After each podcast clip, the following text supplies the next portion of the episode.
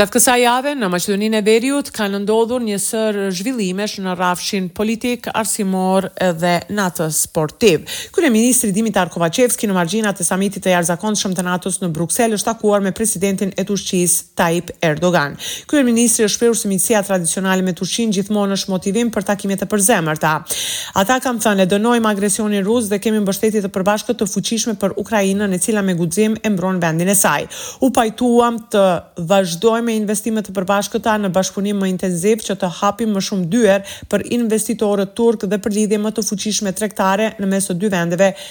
ka shënuar kryeministri i vendit Kovaçevski. Kryeministri ka pasur disa takime me liderët e vendeve anëtare, duke përfshirë kancelarin gjerman Scholz dhe kryeministrin bullgar Petkov. Rreth rrugës euroatlantike dhe zhvillimeve në të ardhmen është shprehur kështu. Neotpočnuvanjeto na pregovori na. Mosnisja e negociatave me Maqedoninë e Veriut është një sinjal i keq që për shkak se tashmë kemi katër raporte pozitive nga Komisioni Evropian për progresin në harmonizimin me Bashkimin Evropian. Është sinjal i keq si për ne po ashtu edhe për rajonin. Mosrealizimi i mbajtjes së konferencës së parë ndërqeveritare rrit skepticizmin te grupe të caktuara. Ekzistojnë edhe grupe të treta që nuk duan ta shohin Maqedoninë e Veriut si pjesë të Bashkimit Evropian dhe të cilët financojnë grupe të ndryshme por edhe parti politike. Ndërkohë, në arsim vazhdojnë probleme të mëdha. Mësimdhënësit paralajmërojnë dhe janë të gatshëm për protesta të përgjithshme nga njëmbëdhjetë prilli nëqoftëse qeveria vazhdon të mos përfillë kërkesat për rritjen e pagave në arsim dhe kopshte. Mësues të ndryshëm thonë se do të mbështesin çdo vendim të sindikatës pavarësisht nëse janë pjesë e tyre ose jo. Sipas tyre, për herë të parë do të ndodhë që rroga e mësimdhënësve të jetë më ulët se rroga mesatare në vend.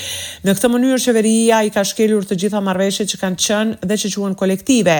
Tani arsyetohen me krizën që po kalon ky shtet dhe ka tridhjetë vite që problemi i mësimdhënësve mbetet i pazgjidhur. Sa i takon humbjes së mësimit për fëmijët, ata besojnë se mund të ketë disa ditë humbje, por ajo do të kompenzohet. por që kërkojnë me ngulm që ministria dhe ministri i Arsimit të kërkojë dhe të gjejë zgjidhje. Hera e parë në këtë shtet që rroga e arsimtarit është më e ulët sesa rroga mesatare në nivel republikan, thonë mësimdhënësit.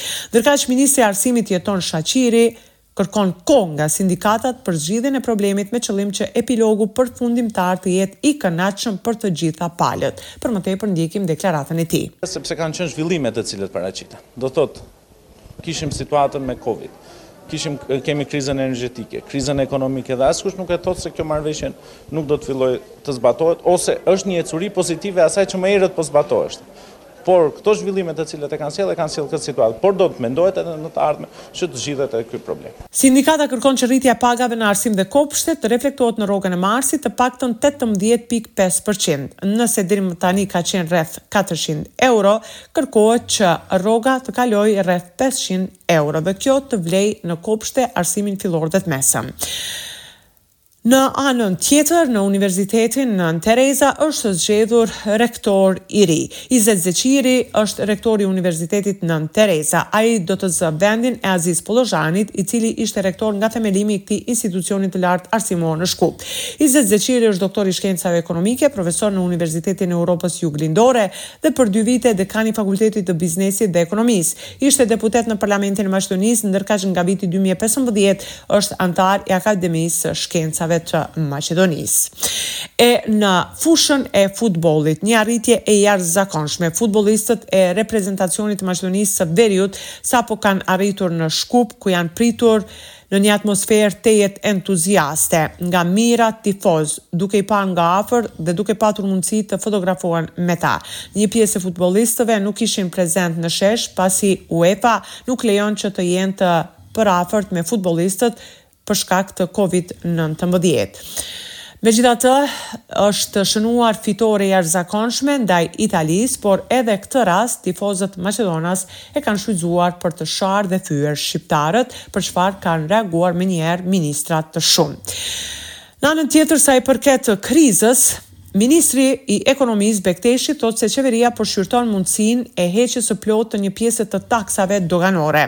Në seancën e qeverisë do të shqyrtohet efekti i masave të marra për marzhën e kufizuar dhe TVSH-në zero për ushqimet bazë dhe më pas do të vendoset nëse do të ketë edhe masa të reja. Ne kemi edhe mekanizma të tjerë, ka thënë ministri i Ekonomisë, dhe institucione të tjera mund t'i heqin plotësisht disa taksa doganore që janë paraparë duke patur parasysh se vendi ynë në pjesën më të madhe tregtinë e ka me Bashkimin Europian, ka thënë Kreshnik Bekteshi. Ndërkohë, nga njëmbëdhjetë marsi, pensionerët.